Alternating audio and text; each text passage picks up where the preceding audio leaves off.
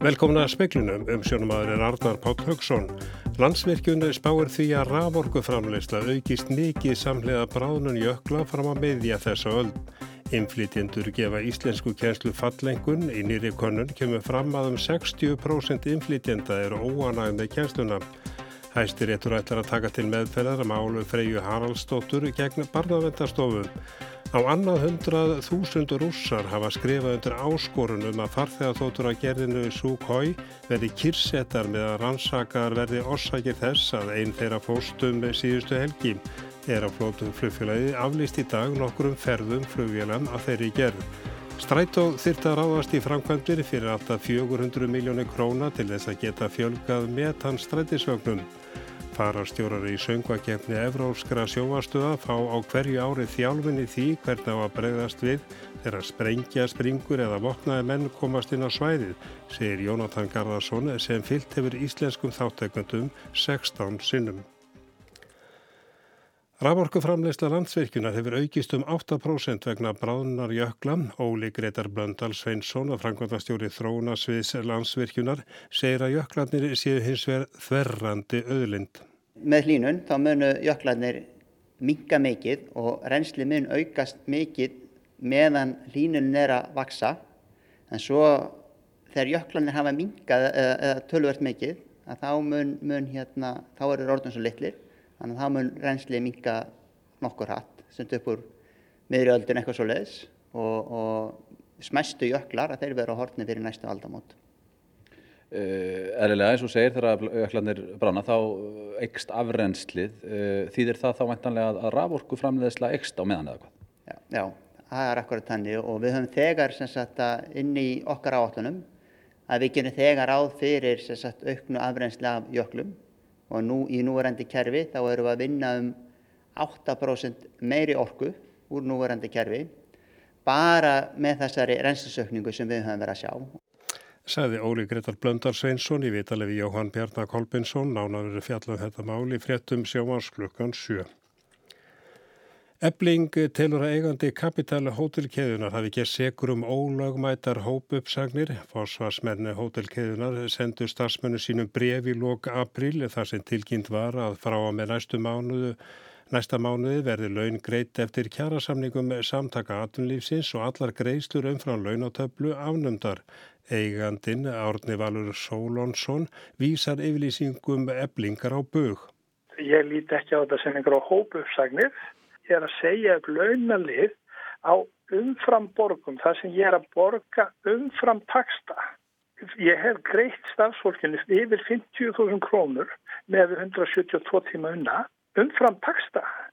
Og, og því miður nú er bara haft í ári að en á einu hótelinu hjá mér þá fór nýtingin í janúar úr 92,5% í fyrra niður í 61,3% á þessu ári. Ég hlýta fyrir að bregðast við á einhvern hátt. En nú segir Eblinga þetta sé gegn uh, tilgangi kjærasamninga þar sem þau hafi samið um herri laun og þetta þú, ekki, þú sérst að fara á móti því. En þetta hefur náttúrulega ekkert með kjærasamningan að gera og þetta hefur með umfram greiðslunar mínar að gera. Að þær eru því miður ofslegandi fyrir fyrirtækið þessari stundu núna. Segir Árni Valur Sólonsson, eigandi Kapital Hotelkjöðunar. Hæstiréttur ætlar að taka til meðferðar málu Freyju Haraldsdóttur gegn barnavendastofum, fallist þau vera á beini barnavendastofum þetta. Landstéttur komst að þeirri niðurstöð í mars að barnavendastofa hefði verið óheimilt að hafna umsókn Freyjum að taka sér fóstubarn án þess að gefa henni kost á að sækja námskeið fyrir verðandi fóstur foreldra. Dómarinn taldi að barnavendastofa hefði sinjað umsókn freyju um að gerast fósturforeldri á grundvelli fötlunar hennar. Slíkt væri ólöglegt. Barnavendastofa telur niðurstöður landstéttar ránga þar sem hort sé fram hjá hagsmunum barsins. Yfir 170.000 rússar hafa síðustu tvo daga skrifað undir áskorunum að farþáþóttur að gerðinni Sukhoi Superjet verði kyrsettar meðan rannsökuð eru tildrög þess að þóta að þeirri gerð fórstasunnundagi var og með henni yfir 40 manns. Rúsneska flugfélagi er á flótti aflýst í dag nokkrum ferðum flugvíla af þessari gerð. Alls var fimm flugferðum Aeroflot aflýst síðdegis þar að fjórum ferðum með þóttum af gerðinni Sukhoi Superjet 100. Fjórar þessara ferða voru í innanlandsflugi og einn til Gautaborgar í Svíþjóð. Fréttastofan BNS hefur heimildir fyrir því að ferð frá Mosku til Ríka í Lettlandi með Sukhoi þóttu hafi tafist í þrjár klukkustundir í gær þar sem farþegar neituð að ganga um borð þegar þeir sáu með hvað þóttu þeir áttu að ferðast. AFP fréttastofan leitaði dag eftir upplýsingum hjá talsmanni flugfélagsins en fekk engar. Yfir 170.000 manns hafa ritað undir áskorunum að allar svo kóið þóttur verði kyrsettar þar til eh, fyrirlikur niðurstaðar ansóknar á flugslýsi á sunnudagin var. Þá fórst svo kóið þótta á Seremitívo flugvelli og með henni yfir 40 manns. Frá því að þóttur þessarar gerðar koma á markaðin árið 2011 hafa sögn ímsýr teknir leir gallar á þeim komið í ljós. Talsmaður Latimir Pútins forsetta var spurður að því í dag hvort hann teldi ástæðu til að kyrsetja þótturnar. Hann sagði að það veri ekki sitt að skera úr um það, heldur þar til bæra flugmála yfirvalda. Áskir Tómasson sagði frá.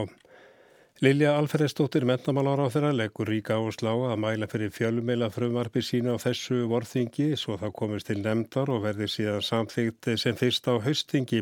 Þingflokkar vinsti grætna og framsóknar hafa afgreitt frumarpið en þingflokkur sjálfstæðisflokks afgreiti það ekki í dag þar sem formaðarflokksins var fjárverjandi og ymsar breytingar í frumarpinu varða hans ráðuniti. Breytingarnar að snúa helst að auknum stuðningi við enga regna fjölumila og minni þáttökur úr á auglýsingamarkaði. Og þingflokknum fannst eh, Sanger Gagva sínum formanni að hann myndi koma og gera grein fyrir því. Er það vambriði fyrir þig að þetta var ekki ákveð þar í dag? Ég er mjög ána með hversu langt ég komi með þetta frumvarp. Þetta er í fyrsta sinn sem hefur verið að grípa til aðgerða til þess að styðja við einhverjegna fjölmiðla og ég tel að, að við séum búin að vinna mjög vel á þessu og það er ákveðin tímamót sem munir felast í þessu. Við viljum færa umhverfi fjölmiðlana meira í átt af því sem gerist á Norðurlöndunum og þetta er risastórt skref í þeirri vegferð saði Lilja Alfredsdóttir, Jóhanna Veitís Hjaltadóttir talaði við hana. Strætó þýrt að ráðast í framkvæmdi fyrir alltaf 400 miljónu króna til þess að geta fjölgað metan strætisögnum, sorpa brennir metangasi sem myndi duga til að knýja alltaf 5.000 smábíla í heilt ár. Metangasi myndi duga á alltaf 5.000 smábíla í heilt ár fyrir forgörðum vegna ónórar eftirspurnar. Framkom í fréttum rúfum helgin að umfram metan er brent hjá sorpu þar sem kaupendur vantar. Sorpbílar í borginni aga fyrir metani, auka á 50 annara bíla sem borgin notar. Strætisvagnar og agurir eru knúnin metani en aðeins tveir gamlir strætisvagnar á höfuborgarsvæðinu og þó er sorpa í eigu sveitarfélaga þar. Jóhannes Rúnarsson, frangöldastjóri Strætó, segir að í síðasta útbúði 2013 hafi ekki verið gert ráð fyrir metanvögnum. Það er ákveðin búnaður sem þarf til að fylla vagnana. Hann er ekki nógu góður eins og staðanir í dag. Það tekur um það byrjum svona 30 til 45 mínútur að fylla á hvert vagn. Svo mikil töfver óviðunandi, segir Jóhannes. Til skoðunar er að framlengja lögn sem liggur upp á bílsöfða í Reykjavík upp í bækistöð Strætó. Þetta er svona um byrjum 350-400 miljónir sem að þarf til. Jóhannes segir að til skoðuna sé að fjölga metanvögnum hjá strætó. En hins vegar séu þeir með eitt galla sameilan með bensín og díselvögnum. 14 ramasvagnar eru hjá strætó. Það heyrist ekki í ramasvagnum og fólk er mjög ánægt með það Jafn mikill háfaði sér í metanvögnum og dísilvögnum. Íbor sumra hverfa hafa sérstaklega oska eftir því að ramasvagnar agið þar um. En við erum ekki með nema 14 vagna og það, það myndi ekki duða þannig að við erum bara að dreifa um að leiði þar. Þetta var Jónis R. Rúnarsson, Kristín Sigurðardóttir talaði við hann. Mun minna fer fyrir humlum eða hunáksflögum á söðvesturhorni landsins í vor en oft áður. Alla jafna fljúa drottningarnar um á þessum tíma árs, nývaknaðar af vetradvala, lepja í sig hunangsafa víðirekla, sapna frjókornum þeirra og leggja draugað sömarbúskapnum. Nú ber aftur á móti lítið á því og rigningar tíð síðasta sömars er líklega um að kenna. Erling Óláfsson, skordýrafræðingur á Náttúrufræðistofnun Íslands, greinir frá þessu á Facebook síðinni Heimur Smádýrana. Erling telur að samfeld regningi fyrrasumar hafi gert það að verkum að þernur átt í erfiðleikum með að fljúa um og abla fanga því blómin voru of blöyt. Af þeim sökum hafi framlegsla nýra haustrótninga verið með minnsta móti. Lítið annað er hægt að gera að mati Erlings en vonast eftir góðri sumartíð svo humlunum takist að byggja sig upp á ný. Honum finnst fátt sumarleira en suðandi humlur flögrandi á milli blóma í góðviðri. Og það var Solveig Klara Ragnarstóttir sem að sagði frá.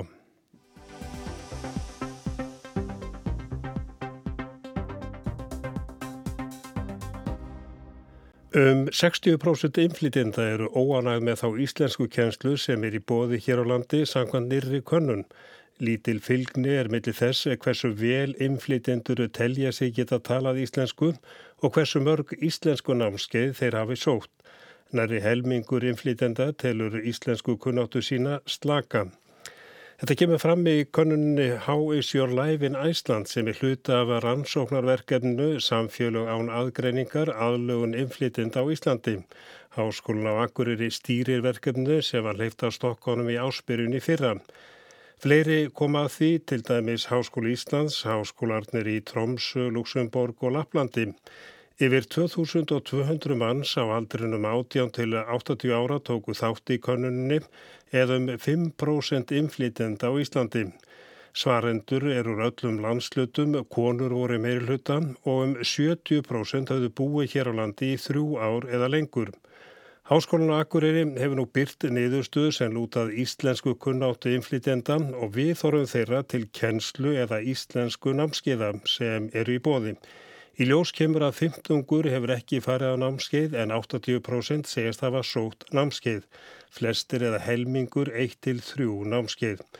46% töldu sér frekar slök í íslensku eða töluð hann ekki, 9% sögust vera alltaland á íslensku og 15 taldi kunnóttu sína í málunu frekar góða. Fjórðungur taldi kunnottuna korki góðan í slaka. Almennt þelja konur sig hafa nátt betri tökum að málun en karlar. 18% karla segist ekki tala íslensku. Framkemur að tæplega 60 af 100 eru mjög eða frekar ánæðir með aðgengi að íslensku námskiðum í sinni heimabygð, 20 af 100 kvorkin ég og 20% frekar eða mjög óanægð. Hlutvöldin snúast hins vegar við þegar spurtur um mat á gæðum námskeiðana, 25% segist vera ánæð með kjensluna en 59% segist hins vegar frekar eða mjög óanægð. Aðtegli vekur að ekki er mikill munar á korki á ánægjunni eða óanægjunni eftir landslutum. Þá vekur líka aðtegli að lítil fylgni er millir þess hversu vel þáttakendur telja sig geta talað íslensku og hversu mörg íslensku námskeið þeir hafi sótt. Markus Mekle, profesor við félagsvísindadeild Háskólans á Akureyri, hafði umsjón með konunni. Lara Vilhelmína Hoffmann, doktorsnefn í félagsfræði, vinnur við verkefnið. Hún segir að þessa niðurstöður komi á óvart. Já, það kemur á óvart um, af því við vitum það uh, inflytjunum á Íslandi langar að læra íslensku svo um, það eru margir sem eru að fara í uh, námskeið til að læra íslensku en uh, þau eru samt óanægt með því svo þetta kemur já, á óvart og við sjáum það það þarf að breytast eitthvað.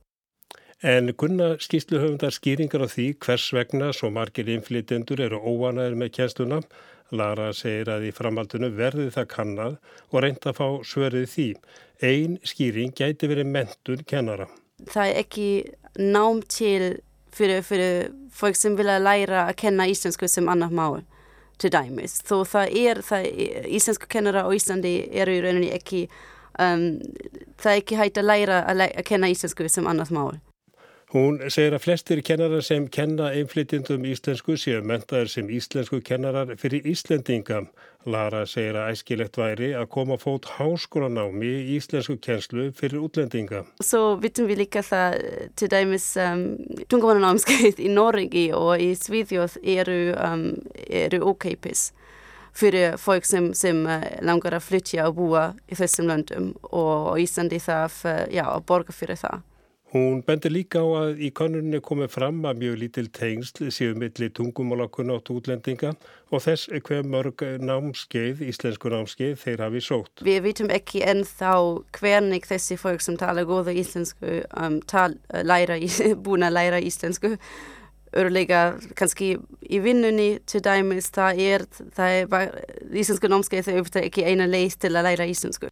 Segir Laran, en hver viðbröð þeirra sem að kenna einflýtundum fullornum íslenskum? Ejjólur Sturlaugsson er framkvæmdastjóri fræðslunets símentunar á Suðurlandi og stjórnarmæður samtaka símentunar með stöðam, Kvasis, kemur það honum óvart hver margir inflytjendur eru óanaðir með kjensluna? Já, það kemur svona frekar óvart. E, Fræðslunmiðstöðar eru nú flestar held ég með sitt eigi geðakerfi og, og meta sjálfar hversu, uh, hvernig fólki finnst námskeiðin, intak námskeiðina og, og hugsanlega hvað það getur nota námskeiðin til og ég held að árangurinn hafi mænst góður. Þannig að þetta er svona mótsakna kent svolítið þessi þess að það er niðurstöður. Þannig að þú hefur í raun enga skýringar á þessari niðurstöður? Nei, í raun og veru ekki. Í raun og veru ekki. Ég reyndar uh, sá ekki, hef ekki séð nákvæmlega þessar spurningar sem voru í þessar konun hjá, hjá hérna háskólanum Akureyri en, en þetta er bara, þetta er bara fróðlegt að sjá þetta svona. En hvernig finnst þér að þetta bregðast við þessu? Ætlum við bara að horfa fram hjá þessu og já, líta fram hjá þessu? Nei, þetta eru raun og veru nýja uppsingar sem að verða að taka marka á. Þetta er hátt hlutfall sem að er til dæru óanaður með eh, gæði námskeiðana og við erum þessar fræðslumbistöður með þó nokkuð hluta af þessari fræðslu. Þannig að ég á ekki vona öðrun að við þurfum að skoða við þurfum að skoða með, með hvað hætti við sjálf getum mælt þetta, hvort að mælingarna okkar séu nú áraðanlegar og reyna að greina það hvaða er þá sem við getum bætt. Ejjónur tekur undir að þörf sé á aukinni sérhafingu á þessu sviði.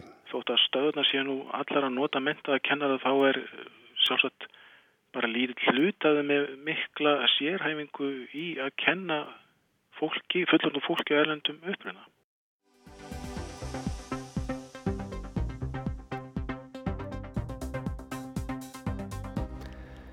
Jónatan Garðarsson, darskrári gerðar maður hjá RÚV, hefur farið 16 sinnum utan með íslenska hópnum til að taka þátt í Eurovision. Hann segir að það sé ekki bara mikil öryggiskesla í Ísrael, heldur ávalt í kringum keppnina. Farastjórnarnir fái á hverju ári þjálfin í því hvernig á að bregðast við ef sprengja, springur eða vopnaðir menn komast inn á svæði. Hópnum fylgi síðan yfirleitt vopnaðir öryggis sveitar menn.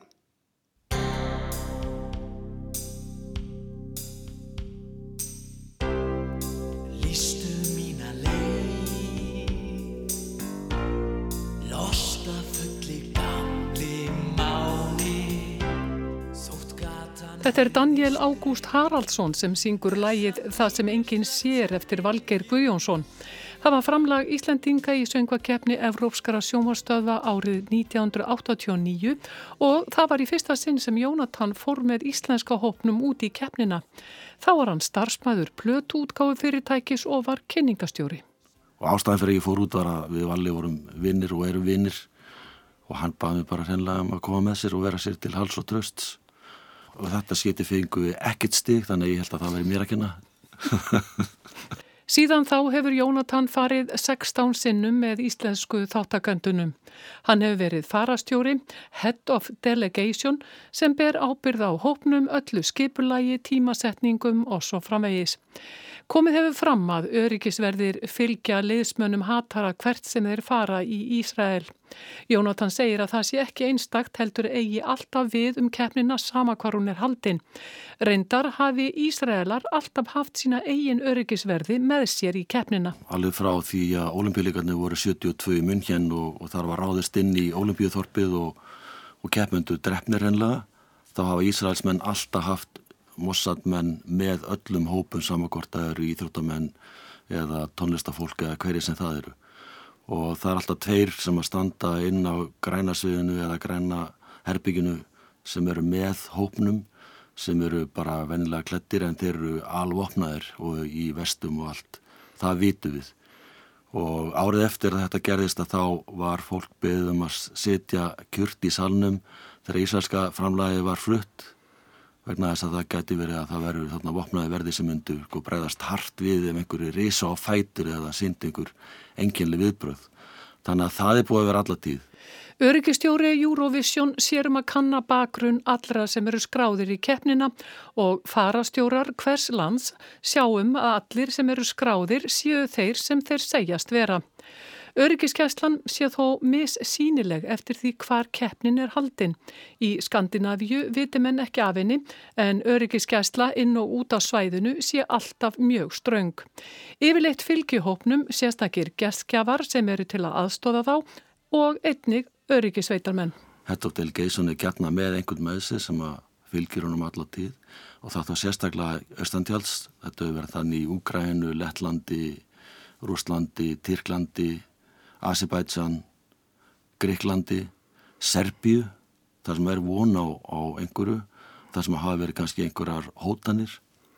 Tjetsenar, þeir, þeir hérna voru náttúrulega gráði fyrir járnum þegar kemni var í Lettlandi sem dæmi og Íslandi, eins í Rúslandi og Úkrænu. Það var nýbúin að vera appisinu gula byltingin í Úkrænu þegar við komum þangað. Þannig að okkar var gætt mjög vel þar og voru minna á aflókuðu svæði algjörlega. Öll hótelin voru gyrt af. Eins var í Tyrklandi, við vorum á hótelum sem voru þannig að það var að gyrða þau af. Um, þar voru við með átta örgisveitamenni með okkur, hópurinn. Við vorum held í tólf. Og vor... næstu jafnmarkir örgisverðir og, og hópurinn sko. Og ég fór aldrei neitt með með tvo menn með mér og eitt skipti þátt ég að mæta fundnir í bæ og, og hérna beði eftir að örgisverðinni kemi og það var eitthvað töf á því þannig ég tók bara leigubíl og fór og það varð allt brjálað sko ég bara menniði máðu voru regnir og ég fekk sem sagt nýja örgisverði sem að passuði mig þannig að ég, ég fór ekki nitt alla sólarningin sko Í Azerbaijan var lauruglubíl á undan og eftir rútunu sem íslenski hópurinn var í og bílstjórarnir voru greinilega herrmenn eða sérsveitamenn. Og þegar þeir voru í skoðunaferð þá mátti rútan ekki hæja á sér. Íslensku þáttakendurnir hafa lendi í vandræðum. Eitt skipti var, var hérna einn aðili í hópnum barinn yllilega að kvöldlægi að nætulagi og annars sem var með hann var stunginn. Hann var reyndar ekki íslenskur, hann var finskur sá Hvers vegna var það? Þeir voru bara á raungu stað. Þeir átti ekki vera aðna Hvaða land var þetta, segir? Þetta var í Serbíu. Við vorum alveg sko undir eftirlítið þar vegna þess að Ísland var nýbúa staðfesta það að Kosovo ætti að vera sjálfstætt ríki og það var mjög svona, þungur hugur til okkar þar væga sagt Jónatan segir að keppnin sé þess eðlis að þegar fókusin sé á henni dræjun að sér hópar sem vilji vekja á sér aðtekli með yllu eða góðu. Sama eigi við um íþróttakeppni eða stór viðburði. Og við sjáum það alveg úr íþróttaheiminum hvernig örgiskeslan er þar og það er ímislegt gerst á svoleiðisleikum. Við sjáum bara hvað gerist í Fraklandi á tónleikum. Það sem sem að fólk var komið saman. Við erum í skrifnum heimi þar sem að allt getur gest Hefur og þú... það er betra að hafa örgi á hreinu heldur en ekki og við erum bara að fara í gernum sko þeir sem eru farastjórar við fáum okkur einast ári uppriðun á því hvernig við bregðast við þegar eitthvað gerist ekkert ef eitthvað gerist, heldur þegar eitthvað gerist og það er alveg frá að til lög hvað gerum við þegar allt fyrir stygg þegar sprengjar sprengur þegar ramagnir fer af þegar kemur eitthvað með vopnin á sæðið og svo framvegis og framvegis og við, við vitum alveg hvað við erum að gera við erum alveg þjálfuð í því. Jónatan hefur ekki áhyggjur af hatara í Ísrael. Hann segir að Ísraelar séu með uppluga öryggiskeslu. Íslenski hópurinn hafi oft verið á sama hóteli og Ísraelar. Og ég veit alveg hvernig þeir vinna. Við höfum verið sko örgast af þjóðin með því að vera við hliðin á, á þeim. Þegar þeir eru með marga, marga menn sem eru vopnaðir og ég hef alveg lendið því að, að aðstóða einn eða tvo sem að þetta fara á salernu en að þess að oftar en ekki eru þeir ekki með herbyggja á hótelinu ég má ekki gera það og það er bara svona og hvernig aðstóða? Bara leipunum inn á klósetti á mér. Hann fyrir ekki inn á hótel hjá Ísælunum eh, inn á herbyggi þar til þess að fara á salerni þannig að í tíða þrýgangu það gest og sigur á stana að sami maður nöðu verið sem ég kannast orðið við sér sveita maður og, og þá, þá er það bara eitthvað hann má það ekki. Hann má ekki fara með herbyggi hjá einhverjum öðrum. Það þarf að fara eitthvað annað og það þýðir bara bústala þá vissir hann alltaf að því að fylgjast með á sama tíma Hatrið mjög síða Og þetta er stutt í lagi Hattara, Hattri mun Sigra, en áður í Jónatan Garðarsinni, Bergljóð Baldurstóttir, talaði við hann.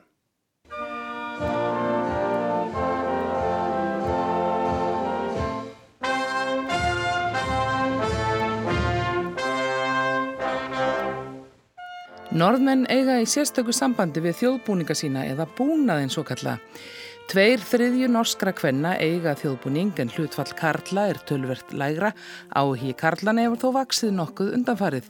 Á þjóðhátti að degi norðmanna 17. mæ skartónum nær allir sem eiga. Það eru mörg hundruð útgáður til af búningnum, flestar tengdar ákveðnum svæðum. Taliðar í skápum norskra kvenna séu 2,5 miljón þjóðbúninga og þeir kosti þegar allt er lagt saman rúmlega 30 miljardar norskra króna eða 400 miljardar íslenskra. Fólk er almennt mjög stolt af búnaðinum sínum en það er þó ekki algilt frekar en annað. Nokkuð sterk hefði fyrir því að stúlkur séu á þjóðbúningi og fá jáfnvel hluta hans eða allan að gjöf þegar fermast en þykir sumum nógum kostnaðin sem því fylgir. Enga síður en nótkun þjóðbúninga í Noregi miklu almennar en dæmir um annar staðar í Evrópu. Hann hefur yfir sér jákvæðan og háttíðlegan brag þó að sumum þykjum púkó. Á síðustu vikum hefur fjöldi fyrir ofinverið þjónustu heima í héræði, ekki síst í helbriðistjónustu.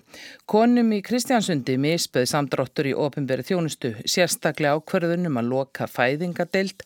Í bænum tugum og hundruðum saman mættu þeir á þjóðbúningi til að sína andstöðu sína og hefur frekar vaksið ásmegin undarfarnar vikur. Svo ramt hefur að þessu kveða nú að ferja að tala um búnaðskerilgin eða þjóðbúningaskæruleðana sem sérstakt fyrirbæri. Erna Súlberg, fórsættisra á þeirra Noregs, mætti stórum hópi prúðbúina mótmælunda nýlega í Sandnesjön sem vildu mótmæla lokun fæðingadeildar í bænum. Það stóðu konur í fullum skrúða, held á um 300 brúðum sem táknuðu börnin sem þar fættust í fyrra. Starsfólkið á sjúkrásinu síndi líka sinn vilja með því að setja upp skuplu. Súlberg gæti ekki annað en rósað mótmælandunum fyrir prúðmannleg mótmæli.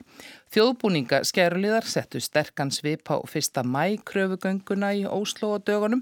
Ekki margir vanir því að sjá ráðsettar konur í sínu fínasta pussi hefja hnefan á loft. Forsprakkar reyfingarnar segjast sækja mikinn kraft í búnaðin. Hann geti verið á við skikju, ofurhetju og reyndar eru margir þeirra með slá. Búnaðurinn er stert tákn fyrir heimahagana og baróttuna fyrir þeim. Í Noregi eru mismunandi gerðir líka alltaf svo nátengdar ákveðnum stöðum og upprunanum. Fólk merkir sig sínum svæðum með því að klæðast sinnar sveitar klæðum. Svo er því ekki að neyta að hópur kvenna í litskrúðum búnaði gerir sig alltaf vel á fréttamyndum og vekur aðtikli. Það er samt ekkert nýtt að þjóðbúningur fái pólitíska merkingu. Þingmenn hafa lagt sérstaka áherslu á uppuruna sinn með því að klæðast búnaði í umræðum um byggðapólitík í norska þinginu.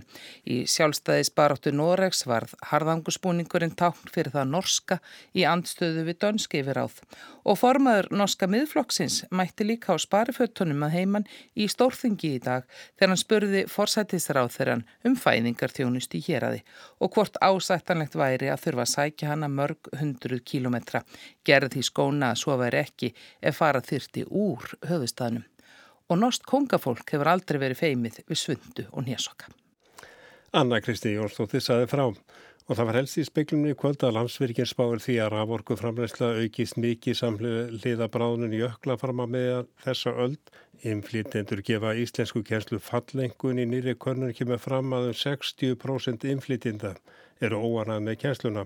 Hæstir eftir allra að taka til meðferðar mál Freyju Haraldsdóttur gegn barnavendastofu og annar hundrað þúsund rússar hafa skrifað undir áskorunum að farþega þóttur að gerni Súkhói verði kyrsetar með að rannsakar verði orsaki þess að einn þeirra fórstum síðustu helgi. Eiraflót flugflæði aflýst í dag nokkrum ferðum flugvílan af þeirri gerð og strætó þyrti að ráðast í framkvæmdi fyrir alltaf 400 miljónir króna til þess að geta fjölgað metan strætisvögnum.